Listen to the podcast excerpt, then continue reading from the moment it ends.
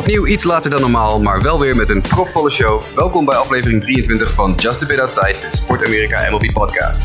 Wat is er aan de hand met Aaron Judge? Welke spelers dragen tijdens het Players Weekend de leukste nicknames op hun rug? Wat is Disney van plan met de aankoop van MLB Advanced Media? En wat gaat Derek Jeter als nieuwe eigenaar van de Marlins doen? Al dat en nog veel meer wordt vandaag besproken door Mike van Dijk. Hoi. Lionel Stuten. Hoi. En mijn naam is Jasper Roos. Here we go. En dan beginnen we zoals altijd met onze momenten van de week. En dan begin ik vandaag bij Mike. Mike, wat heb jij deze week gezien waar je extra aandacht aan wil besteden? Twee mooie centerfield catches heb ik gezien. En de eerste die ik ga noemen is die van Byron Buxton. Het was uh, in de vierde inning toen Miguel Cabrera aan slag was. Hij sloeg de bal naar het middenveld. En hij leek eerst over de verkeerde schouder te kijken. Misschien dat de wind de bal nog iets deed bewegen. Maar op het laatste moment, als een soort kat die in een reflex nog in één keer op het laatste moment het bolletje wol wilde pakken. Ja, had hij de bal in één keer in zijn handschoen zitten. Het was echt een super mooie catch om te zien. En hij was er zelf ook, uh, ook heel blij mee. En het andere moment is, uh, is Andrew McCutcheon, die uh, begin vorige week al tegen de, tegen de Detroit Tigers, weer de Detroit Tigers, uh, een ontzettend mooie vangbal maakte. die had volgens StatCast een catch probability van, van 38%. En ja, het was een strakke bal richting het midveld en hij strekte zich uit en hij had hem gewoon. Het was, was super mooi om te zien. En ik was eigenlijk ook wel even benieuwd, wat, wat, wat vinden jullie van McCutcheon dit seizoen? Ja, het duurde even voordat hij op gang was. Hè. Heel dat outfield van de Pirates duurde even voordat het op gang was, maar ik vind het naarmate het seizoen voordat lijkt het wel gewoon weer wat beter te gaan. Begint hij weer een beetje naar normale vorm terug te gaan groeien. Ik had het ja, niet gedacht. Ik, ik, ben heel verrast daardoor. Ik had hem eigenlijk al een beetje afgeschreven als ik heel eerlijk ben. Maar ik, ik vind het mooi dat hij weer gewoon terugkomt en uh, een beetje de oude Andrew McCutcheon is. Ja, wat, vandaar ook een beetje een honorable mention hoor. Uh, maar ik vond het ook een mooie vangbal. Het is echt uh, goed om te zien. Ja, zeker. En die Byron Buxton catch, die was echt... poeh, ik, ik zat die wedstrijd te kijken. Jemig, dat is daar breekt hij weer even wat Detroit Tigers harten mee. Uh, dank voor je moment van de week, Mike. Uh, aangezien we het over vangballen hebben, neem ik gelijk de volgende even, want ik heb er ook één.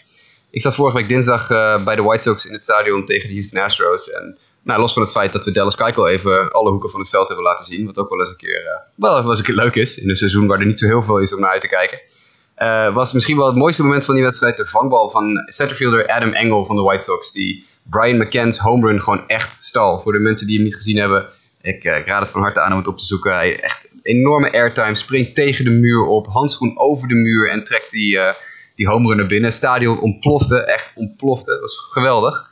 Uh, Avi Garcia en Derek Holland ook handen in de lucht en er werd geknuffeld en gehighfived. Het was ja, een super mooi moment om bij te zijn, maar echt een fabelachtige vangbal van, van Adam Engel. En ja, de White Sox die sweepten de Houston Astros vorige week. Zo zie je maar weer dat het slechtste team in de American League ook gewoon het beste team in de American League uh, een aantal wedstrijden op rij klop kan geven. Dus dat was wel voor mij een, uh, een leuk weekje in Chicago daar. Lionel, wat was jouw moment van de week? Ja, mijn moment komt niet uit de Major League. Mijn moment komt uit de Minor League. Um, mijn moment is het de debuut van Hunter Green in, de, in de Minor League bij de Billings Mustangs. Een van de Minor League teams van de Reds. Hunter Green, we weten het allemaal. Hè? tweede keuze in de afgelopen draft. Eerste keuze van de Reds.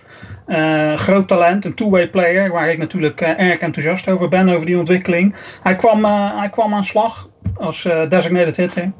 hij, ging, hij begon 0 uit 3 en sloeg toen ineens een triple. Had nog twee RBI's.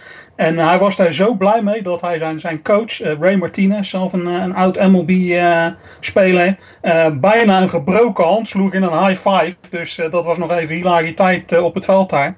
En ja, de komende tijd gaan jullie me nog heel vaak over Hunter Green horen. Dus hiermee heb ik het afgetrapt. Nou, als, als prospect watcher ben ik daar inderdaad wel over te spreken. Ja, dat, extra aandacht voor de minor leagues is altijd leuk. Mooi om te, om te zien dat Hunter Green zijn carrière vol begonnen is dat waren de momenten van de week. We hebben ook nog wat statistiekjes van de week. Want er waren een paar heel opvallende dingen te zien uh, de afgelopen paar dagen. En dan beginnen we met uh, Chris Sale. Ja, daar is hij weer. Het, uh, het, blijft pijn doen, maar we moeten het toch weer over hem hebben. Want zondagavond, Red Sox Yankees in Yankee Stadium. Chris Sale startte voor de Boston Red Sox. En gooide 10 strikeouts tegen de Yankees. En dat is nu 16 starts van 10 of meer strikeouts dit seizoen. Daarmee is hij Pedro Martinez voorbij, die sinds 2015 had. En is hij op weg naar uh, ja, de big unit, die 23 wedstrijden van 10 of meer strikeouts heeft gegooid uh, sinds 2000. Uh, ja, staat er een, maat op Chris Sale dit seizoen? Is er, is er iets anders voor hem in de toekomst dan een Cy Young Award en of misschien wel een MVP? Ja, Goeie vraag. de enige, de, Cleveland Indians broadcasters vonden afgelopen week dat Corey Kluber aardig in de buurt kwam met zijn cijfers voor, voor de Cy Young dit seizoen. Dus dat is een aardige battle aan het worden. Maar ja, wat mij betreft is, is Chris Sale de frontrunner. ja, another week, another Sale record. Hij gooit zo dominant en zoveel, zo makkelijk ook die strikeouts het is echt uh, een genot om naar te kijken. Ik, ik denk dat hij, ja, ik zie hem eigenlijk, mits hij geen hele slechte starts meer heeft, ja, dan kan dit eigenlijk hem niet meer ontgaan. Ja, nee, daar sluit ik me bij aan. Ik vind het fijn dat het vaak over, over Pedro Martinez en de big unit gaat de laatste weken. Alleen het is ook wel mooi om dat dan te zien dat dat in een context is dat iemand zich aan deze grootheden kan meten. Hè? Ik vind dat echt heel knap. Ja, nee, absoluut. Sale heeft een, een, legendarisch seizoen. En ik hoop voor hem dat hij het volhoudt en dat hij nog vele successen haalt in Boston. Uh, van een uh, gevestigde naam, Chris Sale, gaan we naar een volkomen onbekende naam. Heren, Whit Merrifield van de Kansas City Royals. is... dat je het erbij zegt. Ja, ik zeg het er maar even bij, want het is niet echt een naam waarvan je meteen denkt, oh ja, Whit Merrifield. Nee, is een van slechts zeven spelers in de geschiedenis van de Major League die 175 of meer hits, 80 of meer runs, 40 of meer doubles en 20 of meer gestolen honken heeft in de eerste 162 wedstrijden van zijn carrière. Hij is pas de derde sinds 1960. Ja, dat is, dat is, dat is best wel een statistiekje. Wie, wie waren de andere twee sinds 1960? Wie heeft dat even paraat voor me? Mookie Betts. Yep. En Hanley Ramirez. Hanley Ramirez, ja hoor. Mookie Betts in 2014, 2015 en Hanley Ramirez in 2005 tot 2007. Uh, eh, kunnen we uh, Wet Merrifield, Wet al in de, dezelfde rij als Mookie Betts en Hanley zetten of gaat dat een beetje te ver? Nou ja, dat gaat wel heel erg te ver. Hè. Wat ik eigenlijk mooi vind aan, aan deze statistiek opgezocht en wat ik hier nou mooi aan vind, is dat we in deze tijd waarin we alles weten van alle spelers, dat er dan toch nog iemand tussendoor duikt waarvan je eigenlijk niet zoveel hoort het hele seizoen en die dan ineens zoiets blijkt te presteren. Toch wel opvallend dat dat nog kan in deze tijden. Ja, dat is ja, ik, vind, ik wil net zeggen, uh, talking about under the radar. Uh, het is typisch volgens mij ook, een, een, omdat hij een beetje een small market team uh, met de Kansas City Royals player is. Maar er wordt wat dat betreft vind ik eigenlijk te weinig gepraat over, over deze speler en, en zijn prestaties bij de Kansas City Royals. Ja, nou, absoluut. hij heeft van weer de White Sox echt helemaal kapot gebeukt. Dus ja, ik ben een groot fan van Whit Merrifield. Maar goed. Jij vergeet zijn naam niet meer. Nee, nee, nee. nee dat is, maar ik vind het wel een, een leuke speler. Kan meerdere posities uit de voeten. Tweede honk, derde honk, outfield. Dus ja best een, een leuke speler. Is al wat ouder, eind 20 geloof ik al. Maar ja, komt wel een, eh, een doorbraakje aan. Uh, voor de liefhebbers trouwens, ik zei dat het, uh, hij een van zeven spelers was die dat gepresteerd had. We hadden natuurlijk Mookie en Henley hebben we al genoemd. Nu is even voor de liefhebbers nog uh, Veda Pinsen in 1958 1959. Kiddo Davis tussen 1926 en 1933. Roy Johnson 1929-1930 en Kiki Kuiler 1921 tot 1925. Zo, wie dat onthoudt, die mag solliciteren bij de podcast. Gaan we naar de derde stat van de week. En die heeft te maken met Bryce Harper. Want Bryce Harper ja, had een uh, hele interessante week, of niet? Zeker. Van van ja, echt hoogtepunten naar, naar dieptepunten, om het, om het maar zo te beschrijven. Bryce sloeg afgelopen week zijn 150ste home run. En hij is met 24 jaar en 295 dagen degene die dat op exact dezelfde leeftijd heeft bereikt als ja, Mike Trout. Ja, precies. Die sloeg, ook, die sloeg toen ook 150 home runs. En uh, ja, eh, om het ook maar gelijk even over het, uh, over het dieptepunt te hebben. Bryce Harper, ik denk dat het niemand ontgaan is die het honkbal een beetje volgt. Maar ja, die raakte ook best wel geblesseerd in, de, in de wedstrijden. Hij, hij, was een wedstrijd met een rain delay van, van een paar uur. En Bryce was aan de slag, hij slaat de bal. En hij moet rennen om safe te zijn op het eerste honk. Gaat op het honk staan, maar glijdt daar overheen. En komt verkeerd eigenlijk terecht op zijn, op zijn voet. Waardoor zijn knie eigenlijk een aardige optater heeft gehad. En is sindsdien ook op, uh, op de disabled list beland met een, uh, ja, een hyperextended knee. Een soort uh, een bone bruise wordt erover gesproken. En de verwachting is dat hij dit seizoen nog wel terugkeert. Maar het is nog niet duidelijk wanneer dat precies gaat zijn. Ja, dat was inderdaad wel een mazzeltje denk ik voor de Nationals. Want ik zat die wedstrijd toevallig ook te kijken en ik zag hem gaan. En dat, dat leek er aan alle kanten op, op een volledig afgescheurde ACL. Net als Adam Eaton in het begin van het seizoen gebeurde voor de Nationals hij gleed uit over het honk. En nu wordt natuurlijk weer aan alle kanten geroepen, oh we moeten die honken uh, glijbestendiger maken, weet ik het allemaal. Maar uh, dit, zag er echt verschrikkelijk nasty uit. Dus het is inderdaad voor de Nationals te hopen dat hij over twee tot vier weken uh, weer terug is. Want ja, ik, weet het niet. Het kan nog wel eens een keer een, staartje krijgen. Een meniscus scheurtje hier of daar is ook niet uit te sluiten, denk ik. Is, het is lastig hè, hoe je dat met die honken aan moet pakken. Trout heeft zelf natuurlijk uh, pas een blessure gehad omdat hij head first ging. Met, met zijn duim was dat eerder dit jaar. Ja. En nou krijg hij omgekeerd, krijg hij Bryce Harper dan uh, met een kneuzing aan zijn, aan zijn bot in zijn been. Het is, het is lastig hoe je dat goed aan moet pakken zonder dat je daarbij geblesseerd raakt. Hè? Ja. Ja, we zullen zien wat MLB doet. Het zijn de supersterren die, uh, als die iets overkomt, dan is het meestal heel snel dat er dingen veranderd worden. Maar ik denk dat het grootste probleem in deze wedstrijd zat in de, in de rain delay van dik drie uur. En dat is natuurlijk Ja, ook niet serieus meer te nemen. Dat is, ik snap wel dat je moet die wedstrijden er, er doorheen pompen. Want zoveel tijd om ze in te halen is er niet. Maar je moet op een gegeven moment ook een keuze maken. Drie uur mensen in een stadion laten zitten. eh, de helft gaat al weg dan. Eh, de spelers zitten koud te worden in, hun, eh, in, de, in de kleedkamers. Dit was meteen ook de eerste inning dat Harper uitgleed. Je kan zeggen, misschien is de timing wat af, wat, wat off vanwege het feit dat hij drie uur heeft zitten wachten en ineens moet gaan spelen. Ik denk dat daar vooral even naar gekeken moet worden. Ja, nee, denk ik ook. Ik ben het met je eens. Mooi, dat eh, waren onze stats van de week. Eh, laten we doorgaan met MLB. Vergeet er nog eentje. Vergeet er Oh. nog eentje. Oh, vergeet er nog eentje. De birthday boy van afgelopen week. Oh ja, natuurlijk. Mikey Trout. We hadden het vorige week inderdaad er wel even over. Mike Trout die eh, jarig was. Maar die deed op zijn verjaardag gaf hij zichzelf weer een cadeautje, eh, Mike. Ja, hij sloeg voor de vierde keer in zes jaar. Dat was echt ongelooflijk. Eh, sloeg hij een home run op zijn verjaardag. Nou, dat soort cadeautjes die zou ik zelf ook wel willen krijgen. Ja. Maar ik vind, het wel, ja, ik vind het wel knap dat hij dat, dat, hij dat gewoon presteert. Is dat, is dat dan toeval? Zal hij zelf extra zijn best doen op zijn verjaardag? Wat denken jullie? Nou, het is in ieder geval een lesje voor de werpers, denk ik, voortaan. Op zijn verjaardag niet naar Mike Trout gooien. Hopen dat hij door de coach uit de lijn opgehouden wordt. Ja, of zoiets, ja. Of gewoon op, eh, op, opzettelijk verwijt en, eh, en moving on. Want eh, vier keer in zes jaar. Ja, ongelooflijk. Dat waren ze wel. MLB News en Notes. MLB news and notes. En dan beginnen we de News en Notes met ja, onze grote vriend van de podcast. We hebben hem behoorlijk af zitten kraken in het verleden. Maar Rick Porcello gooide een immaculate inning. Eh, wat is dat? Dat is een, eh, een inning waarbij je slechts negen pitches hebt om drie keer drie slag te gooien eigenlijk. Hè? Drie uitjes te krijgen. Ja, foutloze Ja. inning. ja. En eh, we hadden denk ik eh, van tevoren dit, voor dit seizoen niet aan jou hoeven vragen of jij dacht dat Rick Porcello hiertoe in staat was. Ofwel, eh, Jasper? Nee, sowieso niet. Nee. nee, iedereen weet denk ik wel dat ik Rick Porcello niet zo heel hoog heb zitten. En nog steeds vind dat hij vorig jaar een, ja, een Cy Young Award volledig voor niks heeft gekregen. Maar goed, een immaculate inning is, is leuk. Dat, dat ja, vind ik altijd wel aardig. Eh, verandert dit iets over hoe wij als, als show tegen hem aankijken? Ik bedoel, ik ben altijd de meest uitgesproken anti-Porcello, maar misschien dat jullie daar iets... Nou eh, ja, ik, ik wil daar wel iets op zeggen. In, eh, op, ik meen op 17 april of op 19 april, heel erg in het begin van het seizoen, heb ik een zekere Drew Storen van de Reds precies hetzelfde zien doen. Dus als een immaculate inning heel erg veel voor jouw carrière betekent, dan is Drew Storen ook een van de betere pitchers van de MLB. Eh, dus in, in dat opzicht zou ik over deze specifieke inning niet direct anders over eh, Rick Porcello gaan denken. En ik sluit me eigenlijk wel een beetje bij jou aan. Hij wordt wel een klein beetje groter gemaakt dan dat hij is. Ja, het eh, Red Sox effect, hè, denk ik. Ja, en als je kijkt naar zijn statistieken dit seizoen, eh, die zijn eigenlijk vergelijkbaar met zijn eer- eerste seizoen in Boston 2015. Eh, en dan is eigenlijk het, het seizoen vorig jaar echt een, een outlier eigenlijk in zijn, in zijn carrière geweest.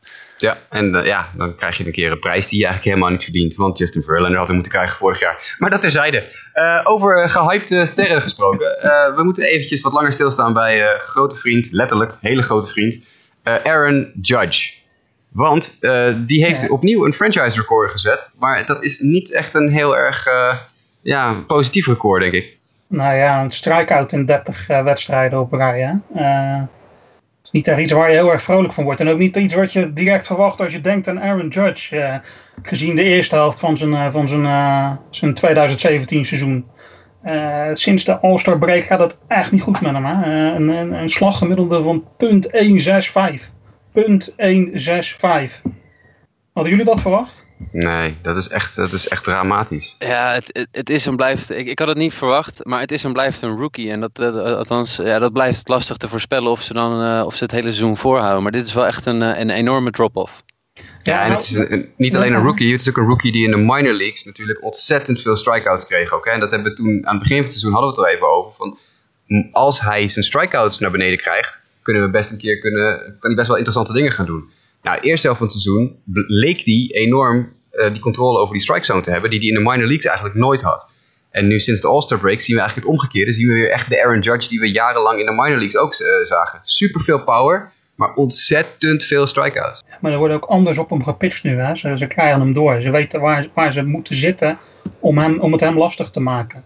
het is iets, we hebben het daar al eerder over gehad. Je ziet heel erg dat door, doordat de ontwikkeling van stats zo snel is gegaan, dat uh, slagmannen weten hoe ze een bal moeten raken om zo diep en zo ver mogelijk te krijgen. Dat is die, die bekende slagbeweging, die, die, die schepbeweging waar ik het al eerder over gehad heb. In de eerste helft van het seizoen heeft Judge heel veel van dat soort ballen gehad. Hè? En nu verandert dat een beetje. Je ziet dat die ballen wat hoger krijgt, wat meer naar binnen toe. En dan wordt het voor hem een stuk lastiger om ze eruit te rammen. Ja, ja inderdaad. Die schepbeweging die, die is natuurlijk lekker als je onder in de strike zone kan gaan zitten uh, slaan. Maar ESPN had ook een paar leuke eh, grafiekjes op hun website uh, om aan te tonen uh, waar Judge nu gepitcht wordt. En inderdaad, je ziet dat hij voor de All-Star break vrij laag gepitcht wordt. Na de All-Star break inderdaad veel meer hoge ballen. En wat je, precies wat je zegt, veel meer inside. Maar ook dat de scheidsrechters iets anders in een strike zone lijken te zitten. Mike, jij had dat uitgezocht geloof ik. Ja, hij krijgt nu gewoon veel meer pitches ja, hoog in de slagzone. En die worden ook wat meer gecallt voor strikes. Dus uh, daarmee uh, begin, ja, wat je zegt, voorafgaand aan de All-Star break kreeg hij ze laag wat vaker als slaggever. Daar heeft hij zich waarschijnlijk dan op ingesteld. En nu krijgt hij ze anders. Dus ja, baseball is a game of, uh, of adjustments. Dus het is nu, eigenlijk is nu weer de bal bij, bij Aaron Judge om, om zich hier aan te passen. En te kijken of hij, of hij dan weer zijn succes kan laten zien. dus ik, ik ben benieuwd. ik verwacht eigenlijk wel dat hij weer redelijk boven water gaat komen. Maar ja, je ziet je ziet dat het wel uh, steeds uh, aanpassen blijft. Op het hoogste Ja, het is toch inderdaad de vraag of hij zich kan gaan aanpassen. In de minor league kon hij dat nooit. en misschien dat ze hem in de minor league op een gegeven moment door hadden. En dat die, die scouting reports niet helemaal doorgecijpeld zijn naar de major league. Maar inderdaad, wat Lionel zegt, een, een 165 slaggemiddelde sinds de All-Star break. 46 strikeouts in 28 wedstrijden. Dat is gewoon twee strikeouts per wedstrijd, hè? Ja, die man die loopt bijna alleen nog maar heen en weer naar de platen, naar de, naar de dugout. Ja, inderdaad. Op het moment. Dus is echt, uh, dit gaat dan nergens meer over. Nee, nee maar vijf home runs ook in die, uh, in die 28 wedstrijden, wat voor hem ook uh, bijzonder laag zit. Dus ja, ik denk dat de Yankees fans zich een heel klein beetje zorgen moeten gaan maken over Aaron Judge. En ja, wat Mike zegt, gaat hij zich aanpassen, dan komt het wel goed. Maar ja, lukt hem dat? We zullen het gaan zien. Laten we Aaron Judge even wat hij is. En dan gaan we even naar wat trades. Want er waren twee August waiver trades waar we eventjes stil bij staan. Want dat waren wel namen die uh, we vaker uh, horen. Of in ieder geval die iets gedaan hebben in hun carrière waardoor ze het vermelden waard zijn. Beginnen we met de eerste, Jay Bruce. Ja, Jay Bruce gaat naar de Indians. Hè? Uh, de Indians nemen zijn salaris over, sturen een, een prospect de andere kant op. Um, ja, ik ken Jay Bruce nog uit de redstijd. Prima speler. Maar wel iemand die waarschijnlijk nu dit vaker gaat meemaken in zijn loopbaan. Heb ik zo'n voorgevoel van. Kan ik niet geheel ondersteunen. Maar daar heb ik zo'n voorgevoel van. Dit gaat echt zo'n speler worden die makkelijk ingezet gaat worden eh, om er maar vanaf te zijn. Ja. Uh, de Yankees wilden hem ook, maar die vonden het, uh, het, het, salaris te gortig. Het volledige salaris overnemen, dat was de Yankees iets te gortig. Dus het is de Indians geworden. Hij is daar wel goed gestart, zag ik trouwens. Uh, ik heb de wedstrijd niet gezien, maar ik zag dat hij het prima deed. Nou, Bruce is natuurlijk een, ja, een van die premier lefty power bats. Een van die jongens die ja, na, een paar eerste geweldige seizoenen, daar kan jij waarschijnlijk meer over zeggen, Lionel, uh, bij de Reds toch een beetje afzakte op een gegeven moment, hè? Ja, klopt, klopt. Maar na, naarmate, het, eh, het, die er, naarmate die er wat langer liep, eh, ging het ook wel steeds beter. En het was ook wel iemand waarvan ik dacht van nou, ze gaan alles wegdoen. En ze houden Jay Bruce. Maar dat, ja, uiteindelijk is dat natuurlijk Joey Votto geworden, wat eigenlijk ook wel logisch is. Maar ja, prima speler op zich. Ik, ja, Ah, ik weet niet, misschien dat hij voor de Indiërs nog wel iets kan betekenen in de komende maanden. Ja, nou, de Mets hadden hem in ieder geval niet meer nodig. Want die, uh, ja, die hadden meer dan genoeg uh, powerbets sowieso al binnen het team. En die hebben natuurlijk ook geen, uh, geen playoffs om voor te strijden. Dus ja, dan maar kijken of je wat salaris kan, kan laten schieten. En, en Jay Bruce naar de Indians kan sturen.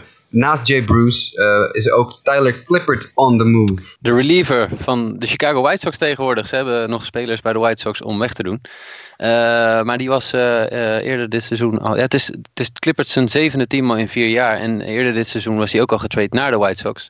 maar hij is door naar, ja, naar de Houston Astros. En die zochten nog wel wat bullpen help.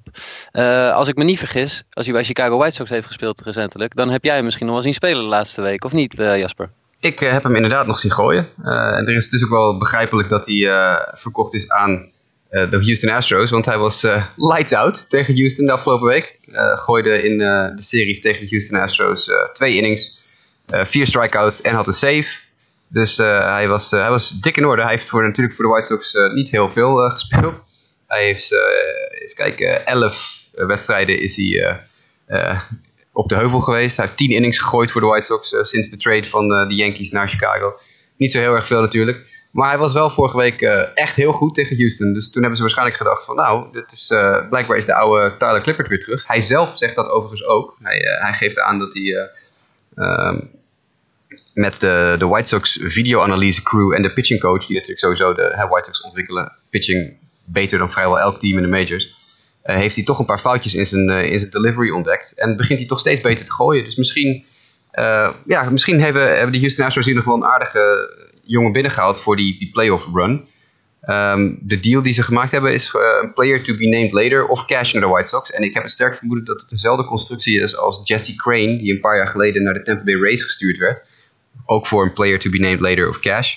En ik denk dat daar een clausule in die deal staat dat het afhangt van hoe goed Clippert gooit voor de Houston Astros. Hoe beter die gooit, hoe meer de White Sox terugkrijgen. En ik denk dat er van tevoren dan een, ja, een afspraak is gemaakt van oké, als hij ongeveer zo gooit, dan kies je uit dit rijtje prospects. En als, je, als hij zo goed gooit, kies je uit dat rijtje prospects. Zo'n deal uh, wordt er waarschijnlijk gemaakt. Jesse Crane met de Race toen een paar jaar geleden, die heeft uh, twee innings gegooid voor de Race, toen raakte hij geblesseerd. Dus ja, dan krijg je niet zo heel veel terug. Ik heb een sterk vermoeden dat vanwege Clippers een up-and-down seizoen zo'nzelfde constructie nu door de White Sox en de Houston Astros uh, gemaakt is. Ja, nou, Clippert heeft ook wel laten zien in het verleden dat hij gewoon best wel een ervaren, goede relief pitcher is. Die echt wel van, uh, van waarde kan zijn voor een bullpen. Het is wel grappig als je naar zijn carrière nu ook kijkt. Uh, hij is steeds van oost naar west gegaan. In 2014 speelde hij bij Washington. Daarna ging hij naar Oakland. Toen ging hij naar de New York Mets. Daarna naar de Arizona Diamondbacks. Toen naar de New York Yankees via Chicago is hij nu naar Houston gegaan. Dus ik denk dat hij hierna weer oostwaarts gaat keren als hij, nog, uh, als hij doorgaat. Zeven teams in vier jaar, moet je er niet aan denken. Ik, ik hoop dat hij zijn gezin uh, in een vast huis heeft zitten. En dat hij telkens maar appartementjes huurt. Want iedere keer als hij een huis koopt of zo, dan wordt hij weer verkocht. Ja. Dus, uh, het is bijna Edwin Jackson-achtige territorium waar hij in zit. hoeveel teams hij aan het verslijten is moment. Maar goed, Clippert naar de Houston Astros. Clippert, we hardly knew you in Chicago. Het, het beste maar weer.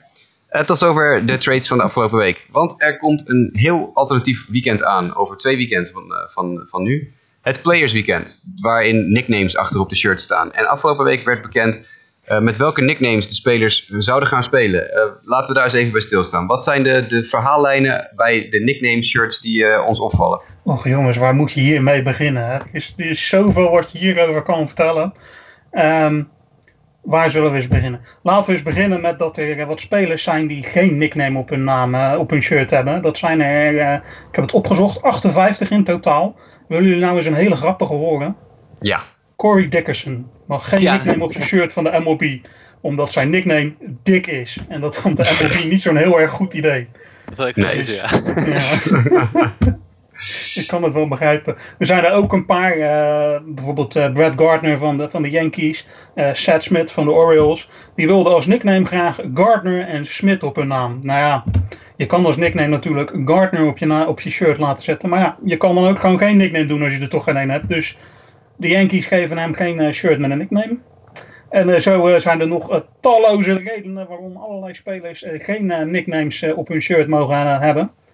Uh, er zijn ook natuurlijk nog veel meer spelers die dat wel hebben. Daar zitten ook wel wat grappige dingen tussen. Uh, een goed verhaal is bijvoorbeeld uh, Joey Votto en Shinso Chu. Joey Votto en Shinso Chu, die, die, die, die kennen elkaar natuurlijk nog. En die, die hadden een, een grapje onder elkaar. Iets, iets met konijnen. Het, het fijne ervan weet ik niet precies. de, de een was te snel voor de andere, zoiets was het.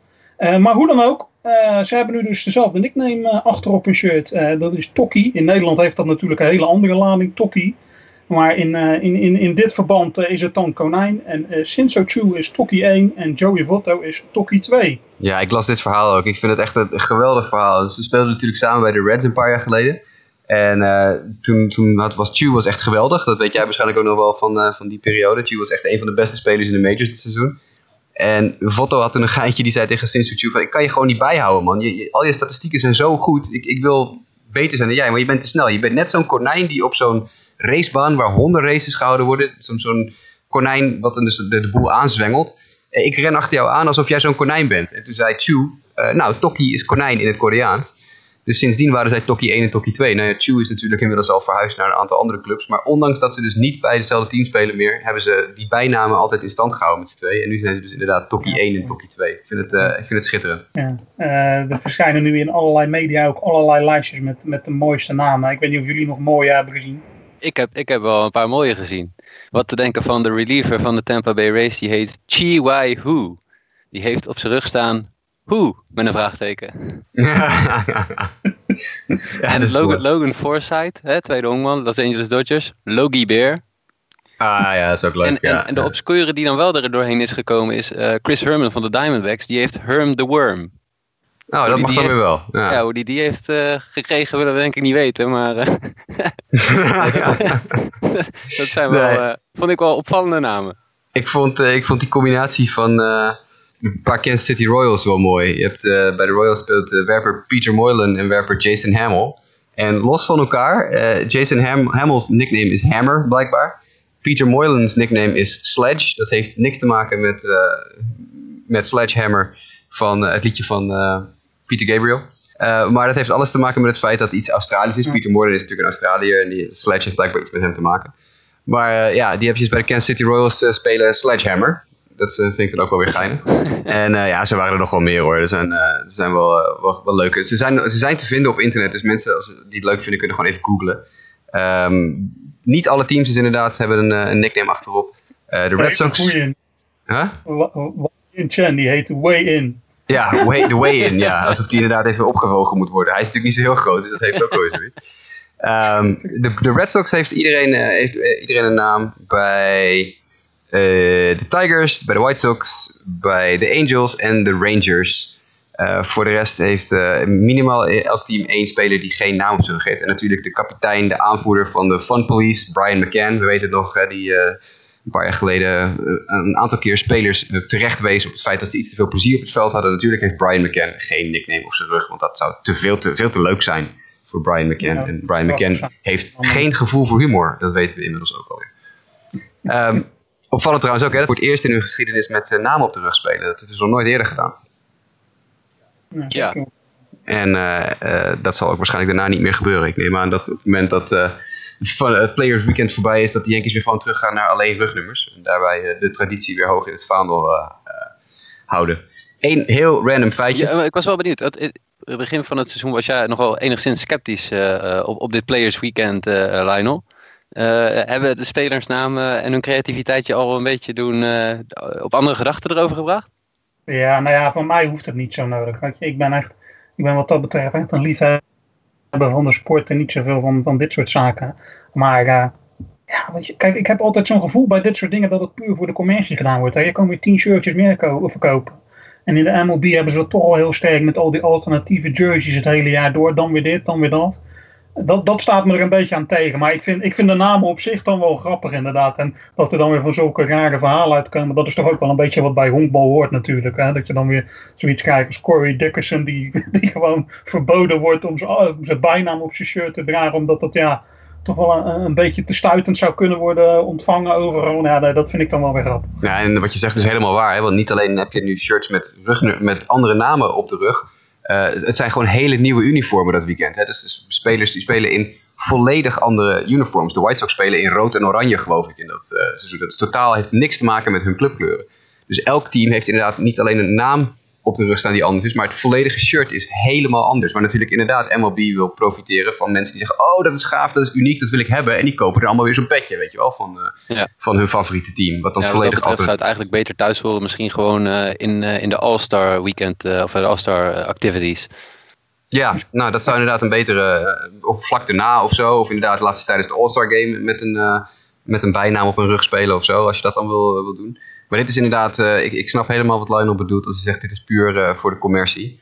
Eh, ik vind het wel geinig dat de spelers over het algemeen het allemaal wel redelijk omarmen. En ja, als je het over 58 spelers in de hele Major League die geen naam op hun rug hebben, of geen bijnaam, denk ik dat toch de meesten toch wel zoiets hadden van nou dit vind ik wel leuk, laten, we, maar gewoon meedoen.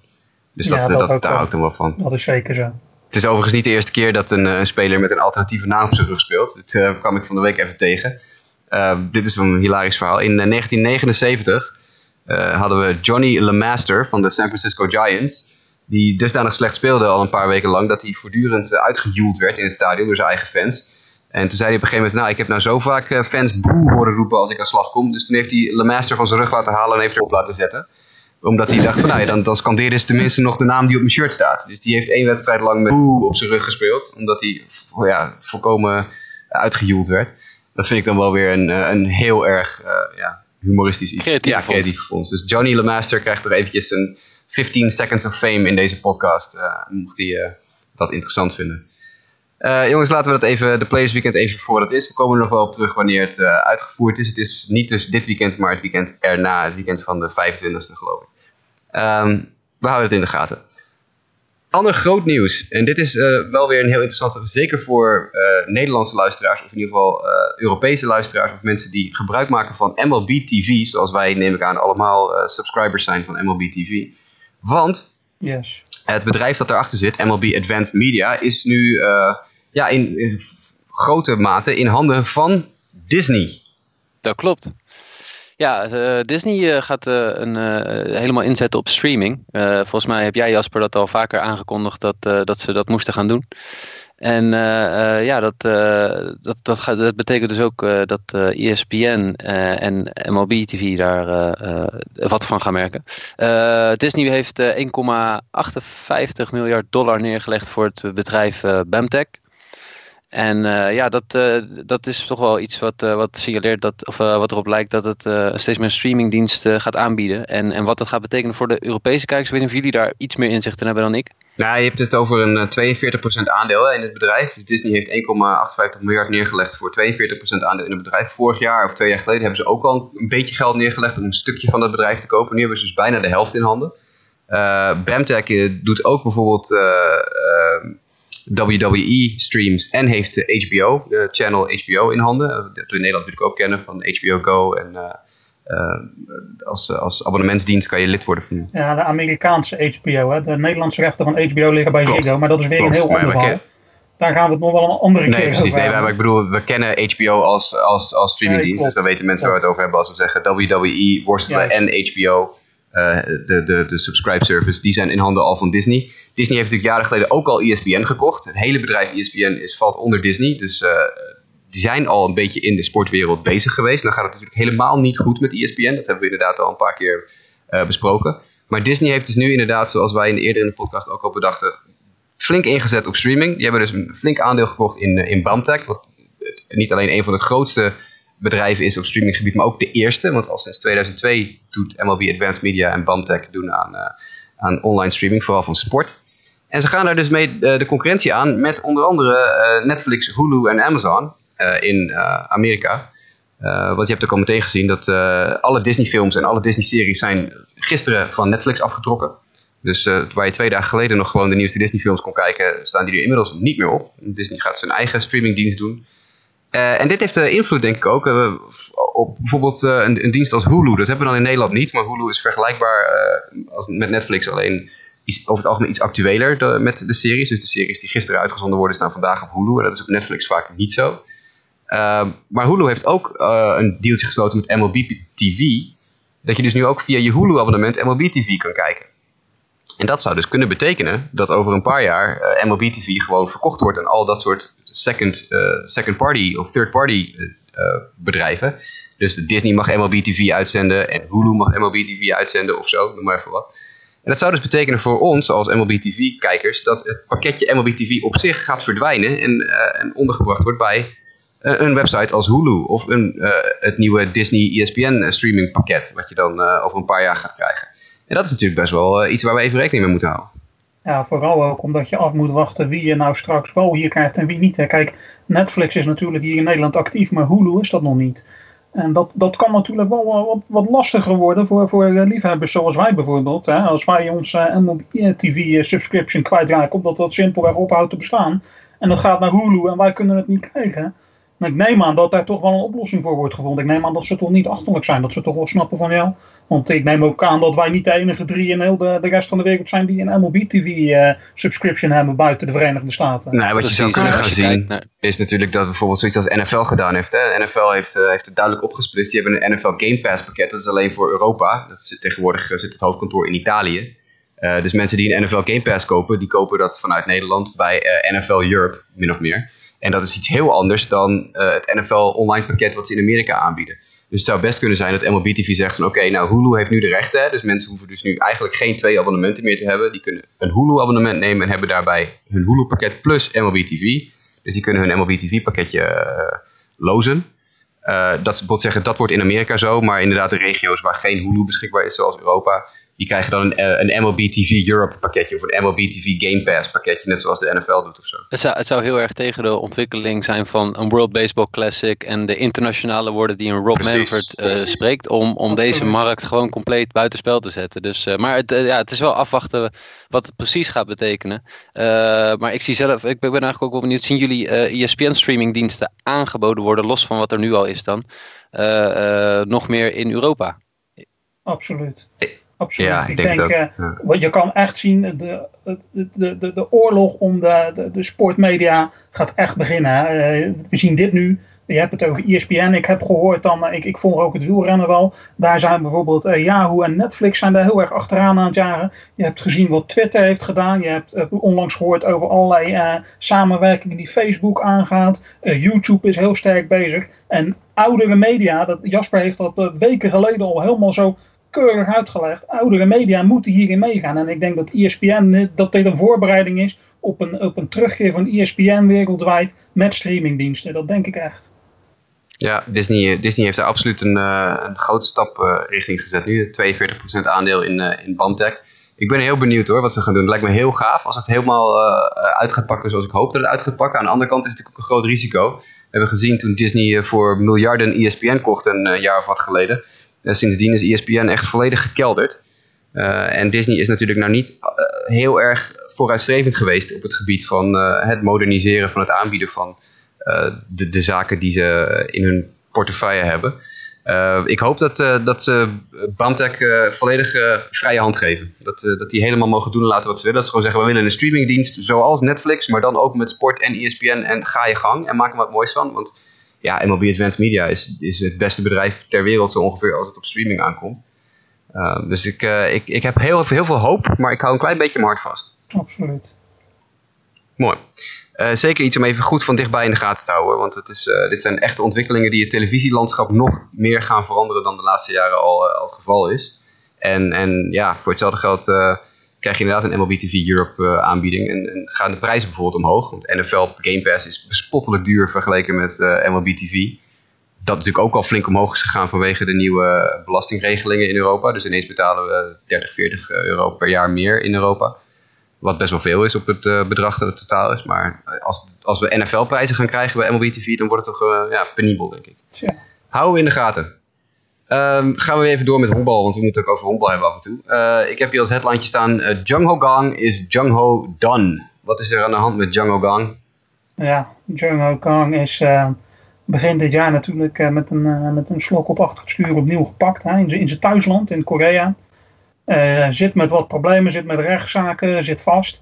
En het is afgelopen nou. Hè. Hij, hij komt Amerika niet meer in. Hij, heeft, hij krijgt geen visum meer, want hij wordt gezien als een crimineel. Wat op zich te begrijpen is, gezien het feit dat hij nu een strafblad heeft. En uh, het lijkt erop dat het contract dat daar uh, een, een, flinke scheur in gaat en dat het afgelopen is. Hè, dat we die niet meer terug gaan zien bij de Pirates. Nee, inderdaad. Neil Huntington, de GM van de Pirates, uh, gaf aan dat het niet in de lijn der verwachting ligt dat Jung Ho Gang terugkomt in, in Pittsburgh. Dat is best wel zonde, denk ik. Absoluut. Zeker, zeker. ja. Maar, nou, goede speler. Maar ja, een, een malloot off the field blijkbaar. Uh, ja, nou ja, eh, ter kennisgeving, Jung Ho Gang, geen Major Leaguer meer. Wel een Major Leaguer, Ryan Zimmerman. En die heeft weer een uh, franchise recordje in handen. Ja, het is milestone moment weer. en Ryan Zimmerman is weer in deze editie aangekomen. Maar Ryan Zimmerman sloeg tegen de Miami Marlins een home run. En ja, dat was zijn 906e run batted in. En daarmee is hij de franchise leader in, in runs batted in. Uh, ja, ik denk uh, toen ze in uh, 2005 de beste man als eerste draften, als eerste pick van de organisatie, dan hadden ze dit alleen maar kunnen dromen, denk ik. Dat je, dat je eerste speler die je draft alle record na record neerzet. En hij sloeg die avond nog een home run. Dus hij is gelijk ook naar 907 gegaan. Maar ja, ik, vind het, ik vind het leuk dat, die, uh, dat, ja, dat een draft pick dan helemaal zo uitpakt als echt een cornerstone van, uh, van je franchise. Dus uh, nee, ik vind het mooi dat hij dit gedaan heeft. hij speelt echt een goed seizoen en dat dit, dit zijn bekroningen daarop. Ja, het is opvallend dat hij na een paar mindere jaren nu weer echt ja, het plafond van je dak beukt. Maar, of plafond van je dak, dat slaat helemaal nergens op. Het dak van je huis beukt, dat zo maar even zeggen. Ehm, maar ja, Zimmerman, franchise RBI-leader voor de Washington Nationals. Dat, vallen daar ook de Expos onder? Ik denk het wel, want dat was bij de vorige keer wel het geval. Dus ik denk dat... Ja, dat ja, ja, wel. En Nationals Expos uh, franchise record. Ja, maar ja, dat is toch wel een vrij historische franchise. Toch opvallend dat Ryan Zimmerman in die... Nou, hoe lang zit hij in de majors nu? Wat zei je? 2005? Nou, dan was hij in 2008 of zo is hij de majors ingekomen. Hij is in 2005 zie ik dat hij gelijk ook uh, al... Hij heeft in 2005 al wel wedstrijden gespeeld op het hoogste niveau. Nou, nou moet je nagaan. Dus uh, in 12 jaar, 12 jaar tijd uh, heeft hij de hele geschiedenis van de Montreal Expos eventjes uh, een voetnoot gemaakt. Dat is toch wel opvallend. Dus heeft hij knap gedaan. Ehm, iemand anders die daarmee bezig is, is Nolan Arenado. Want die is op een historische manier bezig op dit moment. Hè, met nu al dik 100 RBI's. Ja, opvallend hè. Ik, ik kan me nog herinneren dat we begin dit seizoen een, een mailback-vraag kregen over de vergelijking tussen Nolan Arenado en Chris Bryant. Dat ik toen best wel een vurig betoog over Chris Bryant heb gehouden. Ik weet niet of jullie dat nog kunnen herinneren. Ja, ja, ja. en uh, laat, laat ik daar duidelijk in zijn. Ik heb dat ook wel eens op, op de, de Sport America site in de comment, comments gezegd. Als nou blijkt dat het achteraf toch een beetje anders zit, dan ben ik de eerste om dat toe te geven. Hè? En laten we wel eerlijk zijn, Nolan Arenado is wel heel goed bezig. Hè? Hij heeft er wel echt lekkere tempo in zitten. hij is al, wat je zegt, hij is al uh, dik voorbij de 100 RBI's. En uh, het lijkt erop dat hij voor het derde jaar op rij uh, op 130 RBI's uit gaat komen. En dat is, dat is niet mis. Nou is er wel één kanttekening. Hij is geblesseerd geraakt. Nou is Mike normaal gesproken onze man van de blessures. Maar ja, dit ziet er niet best uit, hè? Nee, zeker niet voor een team dat ook gewoon volop nog gaande is voor de, voor de wildcard race. en ja, Ronaldo is eigenlijk echt wel de speler in die line-up. Dus het is even afwachten wanneer hij terug gaat keren en wat is gisteren gebeurd. vlak voor de, voor de opnames gaf Jasper het aan. Dus ik, ja, zijn hand is in ieder geval, hij kreeg een, een was op zijn hand, heeft een handblessure opgelopen, maar is in ieder geval niet gebroken. Eh, dus dat, eh, dat scheelt wel. Nee, hij heeft inderdaad eh, een, een pitch op zijn hand gekregen. En het zag in eerste instantie heel slecht uit, alsof het inderdaad een, een breukje was in zijn pols. Maar de eerste resultaten zijn positief dat hij ja, waarschijnlijk maar een paar dagen eruit zal zijn. Laten we maar hopen dat dat zo is. Want het zou geweldig zijn natuurlijk als Arenado opnieuw op 130 RBI's uit weet te komen. Um, dat heeft natuurlijk niet alleen te maken met dat stadion waar hij in speelt. Dat heeft ook gewoon te maken met dat het een fantastische speler is. Ik kan me dat betoog nog herinneren tussen uh, tussen ons in de podcast over inderdaad Bryant en Arenado. Volgens mij was Lionel vooral kamp Bryant en ik was wat meer uh, kamp Arenado. Uh, nou heeft Bryant ook gewoon een fantastisch seizoen. Hè? Is weer echt is weer helemaal aan het opwarmen. Hij heeft een paar dipjes weken gehad, maar hij staat weer lekker te badden de laatste paar weken. Dus we, we, hebben mazzel. We kunnen ons maar in de, in de handen knijpen met zoveel sterren op de derde honk, denk ik, in de majors. Ja, absoluut. Ja, daar, is, daar is niks aan mis, echt. Het is gewoon echt een topspeler, Arenado. Al al het hele seizoen. Hij was al goed op de World Baseball Classic. En uh, hij is gewoon nu nog goed. Dat zegt ook wel iets natuurlijk. Ja. En nooit gedonder mee. Een echte, een echte prof. Een echte, een echte prof. iemand die zijn werk doet en dat goed doet. Maar ja, dus licht geblesseerd nu. En veel zwaarder geblesseerd is Troy Tulowitzki. Want die zien we dit seizoen niet meer terug bij de Blue Jays. Ja, dat klopt. En wanneer is een seizoen dat Troy Tulowitzki ongeveer niet geblesseerd is? De beste man speelt, als hij fit is, echt goed honkbal. Maar ja, uh, helaas, het, uh, het, het lot sloeg weer toe. Het was eind juli dat uh, Tulowitzki op de disabled list ging. Hij probeerde een, een honkslag uit te lopen, of in geval nog op tijd safe te zijn op het eerste honk. En daar klapte zijn enkel om. En hij is dit seizoen voor de derde keer geblesseerd geraakt. En ja, er is nu bekend geworden dat hij dit seizoen niet meer in actie gaat komen. Manager John Gibbons heeft aangegeven dat hij hoopt wel weer fit te zijn. dat, hij hoopt dat Tulowitzki wel weer fit is. Springtraining volgend jaar.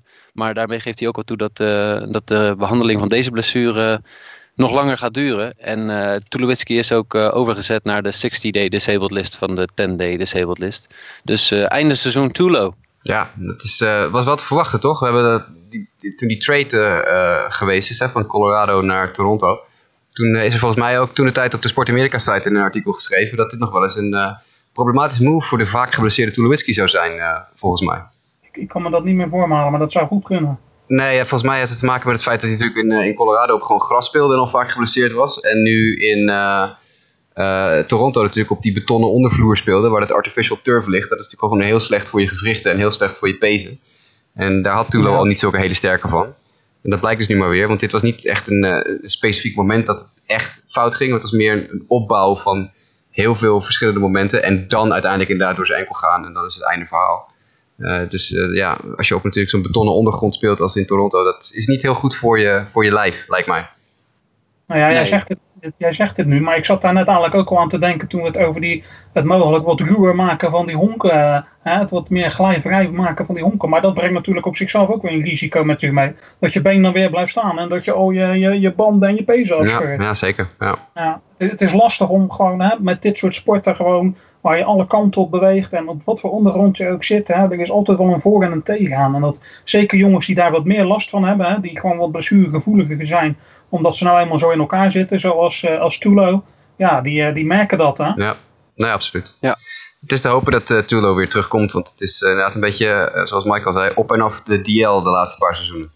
Ehm, we moesten ook even een tijdje afnemen van, eh, afscheid nemen van onze grote vriend umpire Joe West de afgelopen week, want die kwam eh, voor de zoveelste keer weer eens negatief in het nieuws. Ja, Joe West, de man met een naam als een Pet Shop Boys song. Hè. Ehm, ja, wat, wat moet je nou van die man zeggen? Hij heeft eh, 5000, meer dan 5000 wedstrijden achter elkaar is hij aan het werk geweest. En nou zat hij ineens een paar dagen thuis. Hè? Hij had natuurlijk hij het aan de stok met eh, Adrian Belcher. Hè? Hij had hem een zeurkous, ge- zeurkous genoemd. Eh, iets van You Stink, iets in die richting werd er gezegd. En eh, ja, dat was voor de MLB aanleiding om toch even een paar dagen aan de kant te zetten. Drie wedstrijden. En eh, in- inmiddels is hij weer eh, aan het werk. Eh, dus eh, het, is, het is alweer achter de rug. Maar het was toch even, even een, een statementje. Hè? En eigenlijk vond iedereen dit maar een beetje storm in een glas water. Want eh, zowel eh, de, de, de, vakbond van de, van de, van de umpires als uh, Beltray zelf... die kwamen al naar buiten met een statement van... nou ja, dit had nou ook weer niet gehoeven. Nee, inderdaad. Joe West eh, had eh, al dan niet geinend bedoeld eh, gezegd inderdaad dat eh, Adrian Beltre aan slag een ongelofelijke zuurkous is. Nou ja, we hebben het heel vaak over Adrian Beltre. Hij is een ontzettende grappenmaker. Hij was gisteren ook weer bezig. Eh de, is ook wel even terug te vinden op internet dat hij in een rundown komt en gewoon op een gegeven moment maar gewoon rechtsaf slaat en gewoon heel hard wegrent. Eh, heel hilarisch. Gewoon echt volledig de verkeerde kant op rent. Maakt allemaal niks uit. Gewoon een gein, een geinponum die, eh, die Beltre. En dat, eh, blijkbaar had Joe West daar een geintje over willen maken. En dat kwam niet helemaal goed over. En, nou ja, goed. Drie wedstrijden geschorst voor Joe West. Laat ik het zo zeggen. Joe West heeft meer dan genoeg dingen gedaan in zijn carrière waar hij drie wedstrijden voor geschorst had moeten worden, waar hij niks voor kreeg. Dus dan haalt dat op deze manier de boel weer een beetje in. Dus wat dat betreft uh, kunnen we het denk ik wel laten lopen. Uh, het is augustus, het is midden augustus. Dat is meestal een tijd dat de prospect call-ups plaatsvinden. En we hadden drie hele goede, hele leuke, uh, vier moet ik eigenlijk zeggen, vier hele leuke prospect call-ups deze week. Dat klopt. En laat ik beginnen met Dominic Smith van de New York Mets. Je kondigde hem volgens mij vorige week al aan in de aflevering. Dus ik, ik, reik alsend uit naar dat hij daadwerkelijk naar de MLB werd opgeroepen. En afgelopen vrijdag was dat moment daar. Op tijd voor de, voor de Subway Series die deze week is. Dus dan, dan ben ik benieuwd wat hij weet te presteren tegen de New York Yankees. Maar in het eerste weekend heeft hij in ieder geval twee honkslagen geslagen in de Major Leagues. kan jij nog wat meer vertellen over hem als, als prospect-kenner? Ja, uh, de linkshandige powerhitter. Uh, heel goed seizoen in AAA gehad. En, ja, ik keek vorige week al uit naar zijn call-up. En nu is hij er eindelijk. De, we hadden het er ook al over dat de Mets natuurlijk vorige week korte stops hadden op alle infieldposities. Onder andere een korte stop op het eerste honk hadden staan. Die de plek daar deelde met tweede honkman Neil Walker. Nou, Neil Walker is inmiddels getrade. heb ik net gezien. dus ja, dan heb je helemaal niemand meer die op het eerste honk kan spelen. Dus de, de call-up van Dominic Smith is heel logisch. En het is een hele goede slagman. Ik ben ik, ja, ik vind het een goede keuze van de Mets om hem nu eindelijk op te roepen. Ze hebben Ahmed Rosario natuurlijk ook al opgeroepen, hun nummer 1 prospect. En nu Smith als nummer 2 prospect. De toekomst voor de Mets is, is begonnen. Ja, wat ik, wat ik wel interessant vind is uh, dat uh, Reese Hoskins van de Phillies is opgeroepen. Je hoor je al een tijdje hoor je hier veel buzz over. Ik heb, ik heb hem nog niet zien spelen, maar ik hoor echt dat, dat deze man wel wat kan. Hè? Dat deze jongen wel echt een, een goede knuppel heeft. En dat kunnen ze bij de Phillies natuurlijk ook wel gebruiken. Phillies, ik heb ze al een paar keer aangehaald. Het is natuurlijk helemaal niks. Het, is al jaren een team in verval. En er is ook helemaal geen, geen licht aan het einde van de tunnel. Maar misschien dat dit een heel klein theelichtje is waar ze zich aan kunnen gaan vasthouden. Dus ik, ik ben wel benieuwd wat deze jongen kan. Ik weet niet, hè, dat komen we altijd weer bij jou uit. Wat, uh, wat dat betreft. ik weet niet of jij meer over hem kan vertellen, Jasper. Ja, een van de beste slagmensen in de minors al een paar jaar. Uh, dit was hoog tijd. Ik, ik, heb hem ook al een aantal keer aangehaald in de podcast de laatste paar maanden. Ik keek ook heel erg uit naar zijn, zijn call-up. En hij is er eindelijk. Hij is niet zo super goed begonnen nog, maar geef hem even tijd. Die, die gast heeft echt staan beuken in de minors de laatste twee, drie seizoenen. Dus uh, dit, is, ja, dit is wel een dude hoor. Ik, ik vind het leuk. Weer een speler, eindelijk een reden om naar de Phillies te kijken. Ja, absoluut. Zo kijken de, de, de fans er daar, daar ook tegenaan. Hè? Want als je dat dan een beetje volgt, zo, zo wist ik dat deze jongen eraan kwam. Als je dat dan een beetje volgt, dan hoor je dat hè, het, het eerste team, eh, het, het Major League team, dat presteert zo slecht dat er al gauw naar dit soort jongens gekeken gaat worden. Van ja, wacht maar, onze tijd komt nog wel. Dus ik ben echt benieuwd wat die kan. Ja, hetzelfde gebeurde bij de White Sox met de, de derde prospect die opgeroepen werd de afgelopen week. Dat is Ronaldo Lopez precies hetzelfde wat jij nu beschrijft eh, voor de White Sox. Toen er eenmaal duidelijk werd dat Lopez opgeroepen zou worden. En Lopez, dat was een van die pitchers uit de Adam Eaton deal met de Washington Nationals. Lucas Giolito, Dane Dunning en Ronaldo Lopez voor Adam Eaton. Uh, Lopez was fantastisch in AAA dit jaar. Ik, ik heb serieus, ik heb een paar vrienden van mij die in de VS, een paar White Sox fan vrienden die hier zitten, die gewoon bijna vrijgenomen hebben van hun werk om thuis te gaan zitten kijken die wedstrijd. Een van die maatjes van me die stuurde zijn schoonouders het huis uit, want hij wilde die wedstrijd gaan kijken. Uh, andere vriend van me die, uh, die had zijn vrouw erop uitgestuurd om, uh, om eten te gaan halen. Want hij kon niet weg bij de televisie. Dit was echt een dingetje voor, voor de White Sox fans. Ik heb ook die wedstrijd gekeken. Ik heb ook hier gezegd, jongens, ik ben even weg. Ik ga even in de kelder zitten. Um, want ja, Ronaldo Lopez is toch een van de top pitching prospects in, in baseball, sowieso. En dat was ook wel te zien tijdens zijn debuut. Hij gooide vijf strikeouts in de eerste zes nullen die hij gemaakt had. De eerste acht slagmensen. vijf strikeouts. Hij heeft uiteindelijk gewoon die zes innings met vier hits, twee earned runs, drie walks en zes strikeouts. En zijn fastball snelheid lag gemiddeld op 99,4 mijl per uur. Mooi. Uh, goedemiddag, ga er maar even aan staan. Dat, uh, ja, hij was erg indrukwekkend. Dus dat is uh, heel fijn dat hij er nu is. En dan kunnen, hebben we weer als White Sox fans ook iets om naar uit te kijken. Giolito komt eraan ook binnenkort. Lucas Giolito, voormalig nummer 1 prospect in baseball. zoals die, die komt er ook aan. Die is nou, twee, drie, vier weken verwijderd van een call-up. Uh, dus het, uh, het wordt nu inderdaad Prospect Watchen in Chicago. En uh, de laatste die noem ik dan ook gelijk maar even. Dat was Colorado Rocky Ryan McMahon. Perfect getimed. Dat is een derde hokman, eerste hokman. En Arenado is dus een paar dagen eruit. Dus dat betekent dat McMahon zijn plekje eventueel in kan nemen als hij een paar dagen rust nodig heeft. McMahon is een top 100 prospect. speelde ook in de Futures Game. Is een echte slugger. Fantastisch seizoen. Twee seizoenen achter elkaar nu. Echt een van de beste slagmensen in, in de minor leagues in AAA. Weliswaar AAA Colorado Springs, dat is wel even uh, een andere koek, even lekker makkelijk slaan daar. Maar toch, uh, Ryan McMahon is een echte is een, is een dude. Dus dat waren de vier call-ups van deze week die ik echt wel uh, ja, met plezier toch ja, ga in de gaten houden. Reese Hoskins van de Phillies, Reynaldo Lopez van de White Sox, Dominic Smith van de New York Mets en Ryan McMahon van de Colorado Rockies. Schuiven we de minor leaguers even aan de kant. Want, as the Marlins turn, ja, daar zijn we weer. Hè. Het, lijkt erop dat er nou een, eh, een slot komt. Hè. Geen cliffhangers meer, gewoon een, eh, een definitief einde, een laatste episode, een, een, een goodbye en bedankt, een eindgoed, al goed, hoe je het ook wil noemen.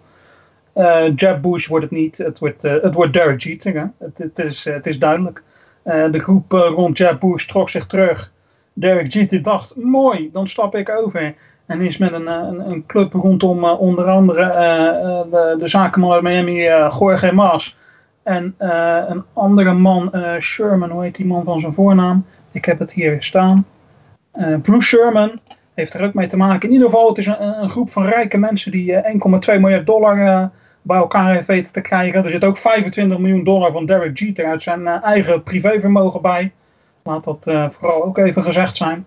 En uh, deze club lijkt, lijkt het te gaan overnemen. Het is in ieder geval zo dat het nu voorgelegd kan gaan worden aan alle andere belanghebbenden in de MLB. Want iedereen moet hier nu natuurlijk nog over gaan stemmen. de commissioner, Rob Manfred, de andere eigenaren. er moeten wat dingen worden vastgelegd. Onder andere over eventuele verplaatsingen, naamswijzigingen en dergelijke. Of dat wel of niet zou mogen in de toekomst. Wat niet echt heel erg waarschijnlijk lijkt. Maar dat dat wel even vastgelegd wordt ook allemaal. En dan lijkt het erop dat er eindelijk een einde aan, eh, aan deze soap gaat komen. Ja, Derek Jeter, dus de, de grote man nu bij de Marlins. Dit is, uh, is dit goed voor die club? Ja, het, is wel, het is wel goed om, om Derek Jeter als president te hebben. Ik denk dat dat wel een, een flinke vooruitgang is ten opzichte van Jeff Loria. Maar uh, het, is, het zou sowieso goed zijn als er nou eens een keer duidelijkheid komt hè, voor dat team. Ik denk dat dat het, het voornaamste is hiervan. Precies, dat, dat is exact ook wat ik wilde zeggen. De Marlins zijn gebaat bij rust en dat ze weten waar ze aan toe zijn. En als dit daarbij helpt, ja, dan, uh, dan is dit uh, de move. Maar uh, ja, een goede soap eindigt nooit, denk je, toch? Dus ik, ga, ik, ik, blijf inschakelen voor de volgende aflevering. ik ben vooral benieuwd of dit een beetje... Er zitten natuurlijk wat rijke mannen in uit allerlei uit allerlei verschillende branches. Het lijkt een beetje op, op de club die een paar jaar geleden de Dodgers eh, aan de hand hebben genomen. Uh, hoe heette die mensen ook alweer? Weet iemand dat uit zijn hoofd? Hm. Hoe die club uh, destijds ook weer genoemd werd? Met uh, Magic Johnson daarin en dergelijke. Ja, ik wil net zeggen, ik weet de naam Magic Johnson wel, maar wie erachter zaten weet ik niet. Ja, zij, zij gingen onder een, een naam van een consortium, gingen zij. Nou ja, doet er niet verder niet zoveel toe. Maar uh, het lijkt een beetje op zo'n zo'n club hè, die nu bij elkaar is gekomen en die zich uh, met deze club gaat bemoeien. Dus het kan heel veel voor het, voor het team gaan betekenen, dat, uh, dat gaan we zien. Ja, ik, ik zit even te kijken of ik die naam van die groep kan vinden. Het is de Guggenheim Baseball Management LLC. Juist. De Guggenheim. Juist, dat. Ja. Guggenheim Groep. Want zij doen heel veel dingen. Het is een, echt een investeringsgroep is dat. En zoiets moet je dit ook zien. Alleen het verschil is dat die Guggenheim Groep al langer bij elkaar was. En dat deze groep aan mensen nu voor het eerst iets samen doet. Maar het is wel een vergelijkbare groep met zakenmensen, bekende Amerikanen uit verschillende lagen. ja, ik ben benieuwd. Ik ben echt benieuwd.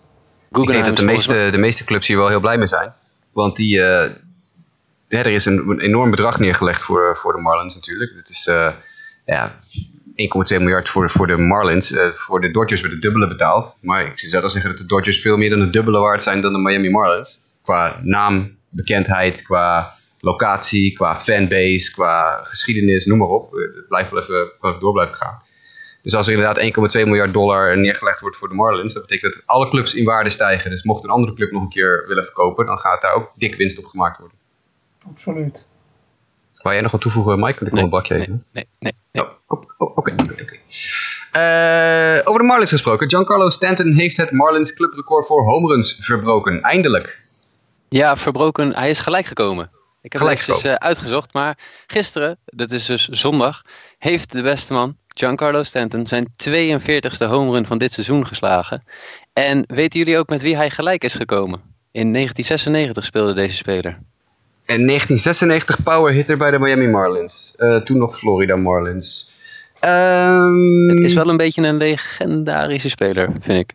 Ik denk, je... ik denk dat als je het zegt, dat ik dan gelijk zeg, oh ja. Nou ja, mijn eerste instinct was, uh, was Cliff Floyd, maar volgens mij was, dat, was die later. Dat was een Marlins zal, power zal, ik, van zal ik heel kort een paar teams noemen waar hij gespeeld heeft? Florida Marlins, Los Angeles Dodgers, New York Yankees, Detroit Tigers, New York Mets. Uh, is, het, is het een man met zijn eigen dag? Met zijn? Eigen dag? Nee, nee, uh, nee, nee, feestdag, nee, nee. feestdag in Miami? Nee, oké. Okay. Het is, zijn voornaam is Gary en zijn achternaam is Sheffield. Gary oh. Sheffield. Nou, Mijn nou hemel. daar had ik nou nooit op gekomen. Maar dat is Die speelde in 96 al, joh. Dat ik dat niet wist. Ja, Mijn hemel. Ik... Gary Sheffield, ja, ja, ja. ja. Gary Sheffield, jongens. Wat heeft hij een lange carrière gehad dan? Want die is pas een paar jaar met pensioen. Ja, nee, nou, hij is in 2009 met pensioen gegaan. Ja, nou, dat vind ik vrij recent. Ik heb hem nog zien spelen. Hij speelde nou, in... heel, heel die generatie heeft vrij lang gespeeld, hoor. Dat waren echt... Uh, oh ja, de steroïde generatie bedoel je? met de jongens die nu opkomen. Dat waren echt talentvolle gasten allemaal. Ja, ja en, uh, en hadden de beschikking over heel veel uh, performance enhancing drugs natuurlijk. ja, wellicht verlengd dat een carrière uh, blijkt. Maar nee, Giancarlo Stanton is bezig aan voor zijn doen een ongelooflijk goed seizoen. Hij heeft in de laatste 33 wedstrijden 21 home runs geslagen. Man, man, en de man. 42e home run die hij sloeg dit seizoen was ook de 250ste in zijn carrière. Dus dat is, uh, ja, dat is ongelooflijk. Uh, als je ook nu, ja, ik heb het vorige week ook al aangehaald, toen hadden we het ook over de beste man. Maar uh, hij is echt enorm aan het, aan het slaan op dit moment. En ja, heel veel, heel veel home runs zitten ertussen. Uh, gelukkig is hij ook na lange tijd. Ja, ik bedoel, ik heb hem in voorgaande seizoenen in fantasy teams gehad. En daar was het altijd wel dat hij nog wel eens geblesseerd was. Dus uh, ik ben blij dat hij nu fit is en gewoon ontzettend goed staat te slaan. Maar uh, waar denken jullie? Gaat hij over de 55 heen? Ik denk dat het kan, ja. in dit tempo. Als hij inderdaad nou eens een keer echt heel blijft tot het einde van het jaar, dan moet het lukken. Ik, ik denk rond de 55 dat het wel een mooi getal is, hè? Ik denk dat dat wel dat, dat, dat gaat lukken. Dus uh, ik, ik ben benieuwd, maar uh, het is in ieder geval uh, ja, bewonderingswaardig en benoemenswaardig. Dus Giancarlo, ga zo door. Ja, eindelijk inderdaad de, de belofte die hij al jaren is. Hè, de, de home run record brekende power hitter.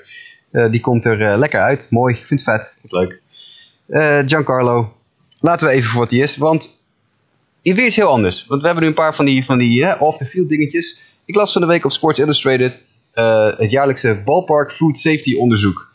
Uh, dan wordt er dus gekeken naar uh, hoe netjes teams omgaan met het eten en, in het stadion. En hoe schoon het allemaal is. Nou, dan zie je toch mooi dat de, de, de Mariners, de Red Sox en de Astros 1, 2 en 3 zijn qua food safety. Dat is bij de Mariners toch wel extra opvallend vanwege, wat was het ook alweer Lionel, uh, sprinkhanen of zo uh, eerder dit? De Mariners die serveren al het hele jaar sprinkhanen en die zijn ongelooflijk populair. Iedereen, zoek het even op op YouTube. Er zijn talloze filmpjes, al korte items in nieuwsuitzendingen en dergelijke over geweest. Het is echt iets heel populairs en dat komt ook omdat het eten van insecten in de toekomst belangrijker gaat worden. Hè. Dat is een heel ander verhaal, daar gaan we het verder niet over hebben. Maar de Mariners zijn daar een beetje een voorloper in. Maar die zijn dus heel erg, het is die, die, die, die, die foodstands daar, dat zijn net een soort culinaire viersterren restaurants aan het worden. En dat, uh, dat betaalt zich niet uit. Kijk, ja. Ja, inderdaad. Als je dan de Mariners inderdaad Red Sox 2 uh, en Astros 3 heb je toch een, uh, ja, een leuke top 3. Maar dan ga je naar de onderste drie teams en dan zien we dat Baltimore vrij ver onderaan staat. Dat vind ik wel opvallend. Dat is toch een vrij ja, historische club die, die toch beter zou moeten weten.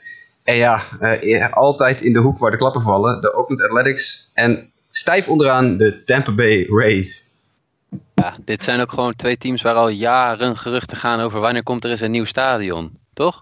Ja. ja zou dat ermee te maken hebben? Ja, dat zou oh, ik denk het zeker. Ja. ja, dus je kijkt ook naar de Rays, joh. Dat is echt, dit is ongelooflijk. Moet je dit horen.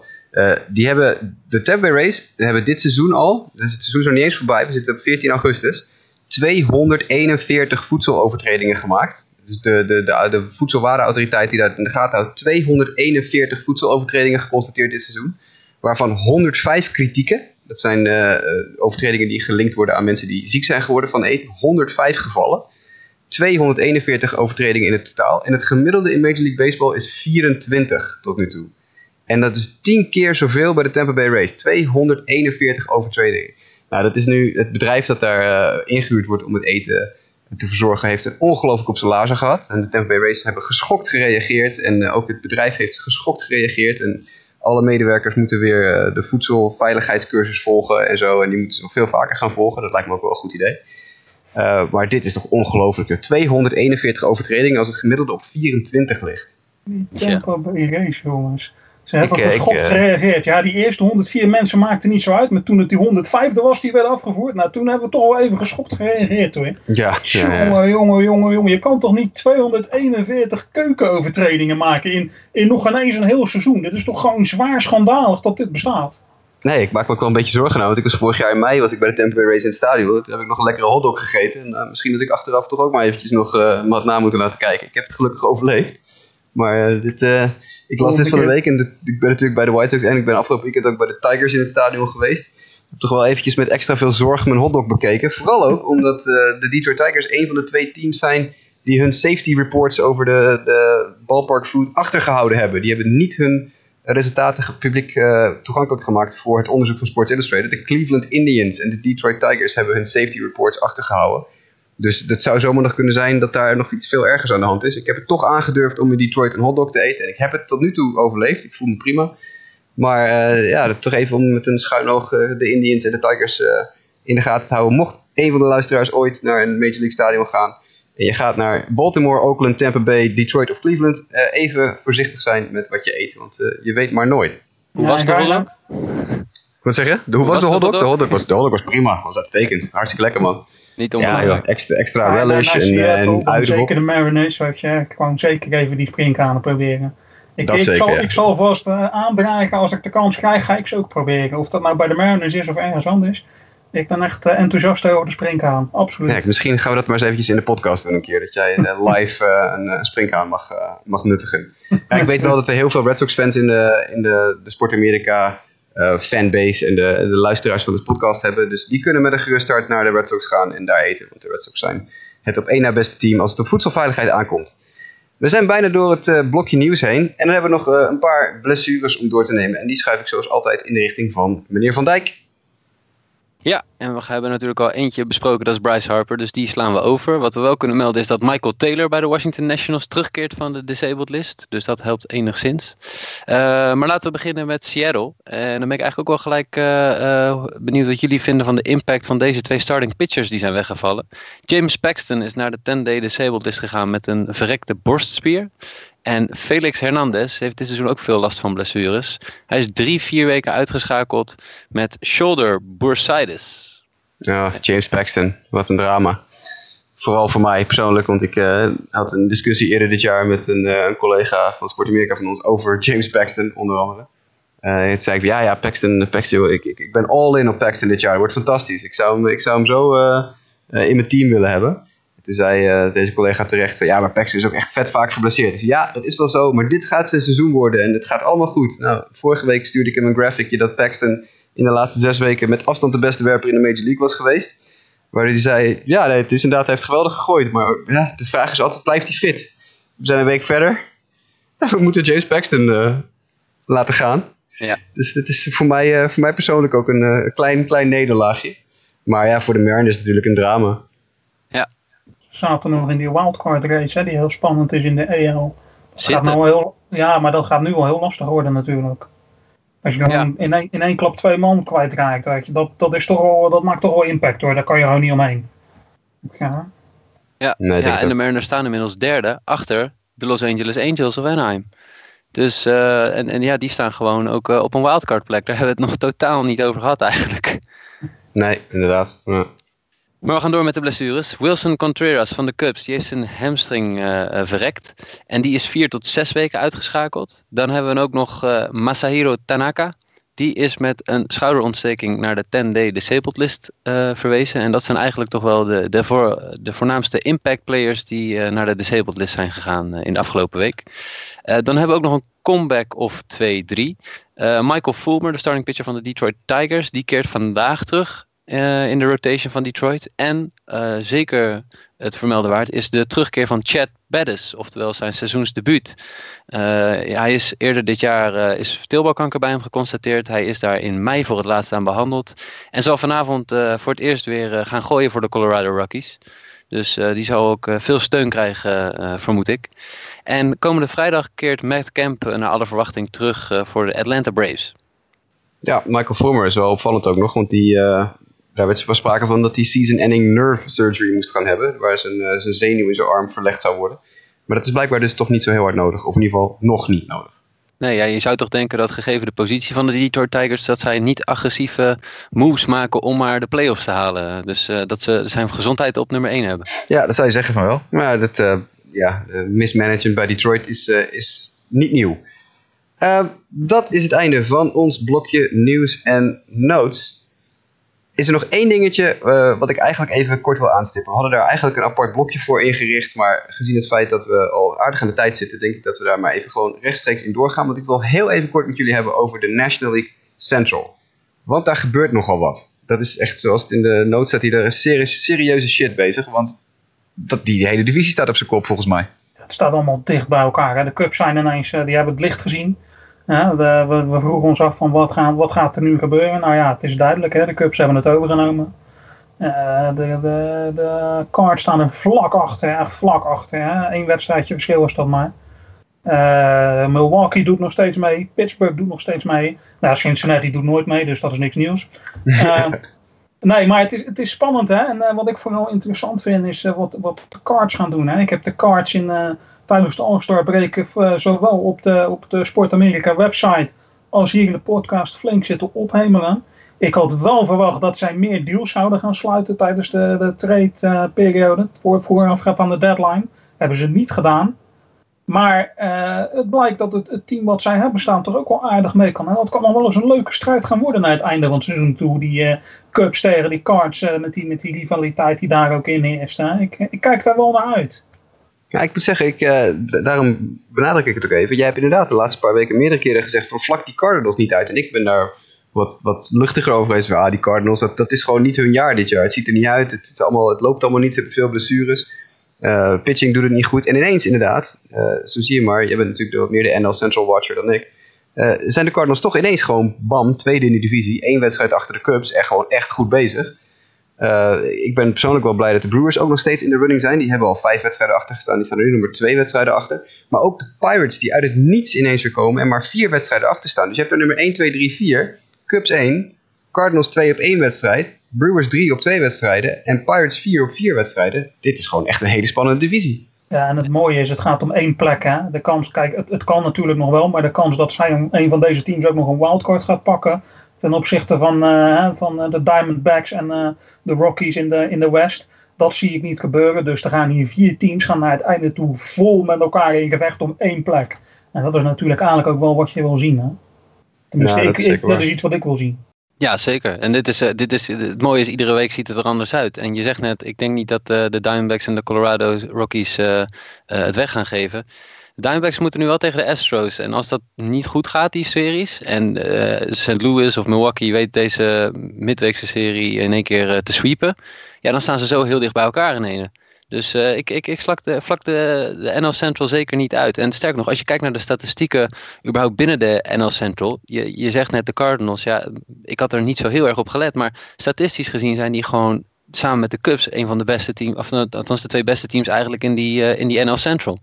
Dus eh, ik ben benieuwd eh, of Milwaukee en Pittsburgh het in die zin eh, bij blijven houden. Maar ja, wat wil je nog meer dat iedere dag eigenlijk de stand er heel anders uitziet en je erover kan discussiëren. Ja, nee, precies. Maar ook als je kijkt naar de Cardinals, hè, 8 en 2 in de laatste 10 wedstrijden. Eh Cubs zijn overigens het enige team dat thuis minder presteert dan uit. De Cardinals, Brewers, Pirates en Reds winnen thuis meer dan uit. Dat is over het algemeen natuurlijk ook logisch. Je wint, je wint thuis over het algemeen meer dan uit. De Cubs alleen niet. Die zijn dus in, eh, in Wrigley Field eh, niet, niet zo goed als wanneer ze thuis, eh, wanneer ze uitspelen. Dus dat is ook wel even iets om in de gaten te houden als je kijkt naar de, de schedule van die clubs. Welke clubs spelen er meer thuis dan uit? Dat gaat nog blijkbaar een behoorlijke invloed hebben op deze race. En ze moeten nog veel tegen elkaar. Dus ja, dat worden alleen maar mooie wedstrijden, denk ik. Ja, dit is, eh, is leuk. Het is veel spannender dan eh, de National League East, waar het eh, nummer 2 team op 14 wedstrijden staat. En de National League West, waar het nummer 2 team op 18 wedstrijden staat. Dus dat is wel even een, een, een ander verhaal. Eh NL Central, de divisie to watch de komende paar weken als we richting het einde van het seizoen gaan. Over series to watch gesproken. We zijn weer bijna aan het einde, jongens. Dus we moeten nog één dingetje doen. Dat is onze series voor de komende week kiezen. Lionel, wat is jouw serie voor de komende week? Ik eh, ga voor eh, Indians die, eh, de Cleveland Indians die op bezoek gaan bij de Minnesota Twins. ik hou wel van dat soort wedstrijden. Gewoon ploegen uit dezelfde divisie en toch wel een rivaliteit hebben opgebouwd. En die het dan met elkaar gaan uitvechten. Ik, ik vind dat leuk om te kijken. En dat wordt mijn, mijn series voor deze week. Nou, is ook belangrijk voor de AL Central natuurlijk wat daar gaat Absoluut. gebeuren. Mike, waar ga jij je op focussen deze week? Ik ken heel wat eh, New York Mets fans en geloof mij, eh, de Subway Series moet hun seizoen gaan maken. Dus eh, die ga ik volgen voor ze. Ja, Mets Yankees natuurlijk fantastisch. Vier wedstrijden achter elkaar geloof ik. Hè? Twee thuis bij de Yankees en twee uit bij de Mets. Dat is volgens mij, ja, ja, ik dacht wel, ja. ja. Volgens mij, ja, volgens mij zijn de eerste twee in Yankee Stadium en de tweede twee zijn bij de Mets, als ik het uit mijn hoofd goed zeg. Nee, dat kan nog best wel leuk worden. De Yankees moeten daar natuurlijk ook wel even serieus aan de bak, want eh, die willen natuurlijk hun postseason kansen niet vergooien in een wedstrijdje tegen de New York Mets. Want dan hebben de Mets fans weer helemaal iets om eh, eh, over door te zeuren de komende paar jaar. Eh, ik ga kijken naar eh, Brewers at Rockies eh, aan het eind van de week. Die zitten rond het weekend, die serie. Eh, vooral natuurlijk omdat ik eh, al het hele seizoen de Brewers eh, een beetje op zit te hemelen. En heel erg van harte hoop dat ze nog eh, een beetje lawaai kunnen maken in, eh, in die race in de NL Central. Maar voor de Rockies vind ik het ook heel interessant, want die hebben natuurlijk nog een wildcard kans. Eh, dus wat dat betreft eh, is daar voldoende om te winnen voor beide clubs. En het is in Colorado, dus hopelijk aanvallend spektakel gegarandeerd. Dat was hem jongens, we, we zijn er helemaal doorheen.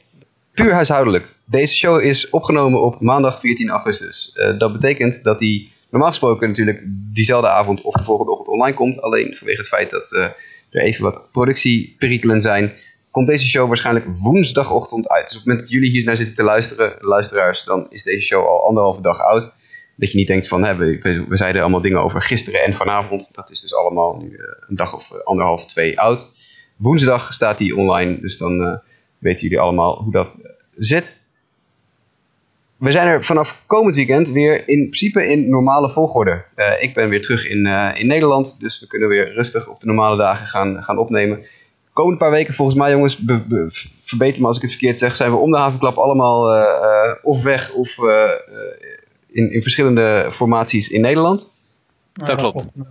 Dus het wordt een beetje passen en meten de komende paar weken. Dus het wordt voor iedereen altijd weer een verrassing met welke host we deze show gaan doen de komende paar weken. Maar ja, dat krijg je in de zomerperiode. We switchen de line-up de komende weken gewoon steeds eh Ja, reshuffelen. alsof, alsof we de Philadelphia. Phillies zijn, jongens.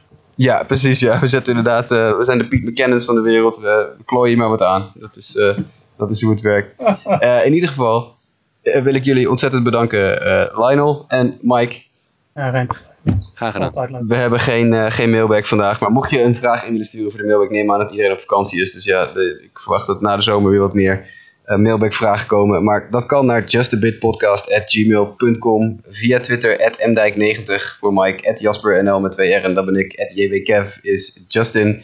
Sportamerika is het Sportamerika Twitter account. Facebook.com slash Sportamerika is ons Facebook account. Laat een bericht achter, schrijf ons aan. Vinden we leuk. Uh, ik hou ermee op jongens. Ik vind het mooi geweest. Ontzettend bedankt uh, gasten. Fijne avond verder. En uh, yes. wij zien elkaar, spreken elkaar in de komende paar weken weer. Klopt. Alright. Later. Ballgame.